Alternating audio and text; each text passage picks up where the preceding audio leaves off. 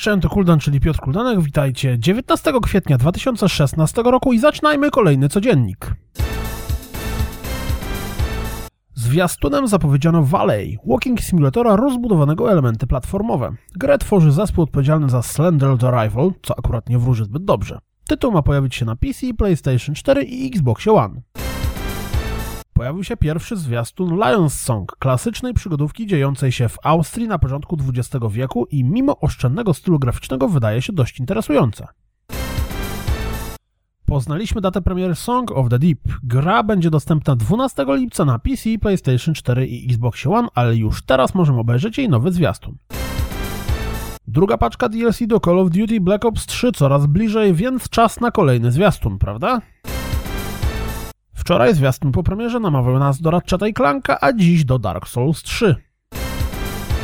W sklepie Game przy Titanfall 2 pojawiła się data premiery wskazująca na 2016 rok. Jakiś czas temu dyrektor finansowy EA zapowiedział, że gra pojawi się w drugiej połowie roku fiskalnego, czyli pomiędzy październikiem 2016 a marcem 2017.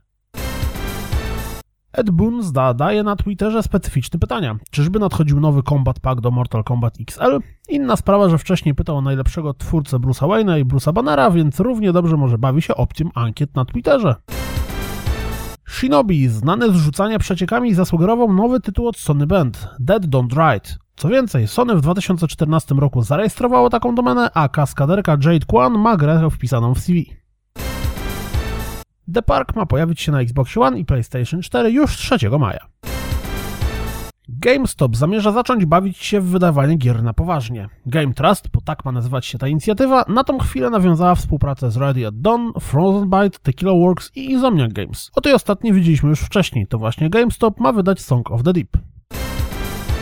Wygląda na to, że dawna ekipa Evolution Studios pod koniec tego miesiąca rozpocznie pracę nad swoim nowym tytułem, czyli nie ma co liczyć na jakiekolwiek szybkie informacje na temat tej gry. Pojawił się całkiem interesujący wywiad z Tomasem Pucha z Remedy na temat Quantum Break. Dowiecie się z niego chociażby, czemu Remedy tak chętnie wydaje gry na platformy Microsoftu. To wszystko na dziś, jak zawsze. Dziękuję za słuchanie, jak zawsze zapraszam na www.rozgrywkapodcast.pl. Jeśli doceniacie moją pracę, wesprzyjcie mnie na Patronite. Mam nadzieję, że słyszymy się jutro. Cześć!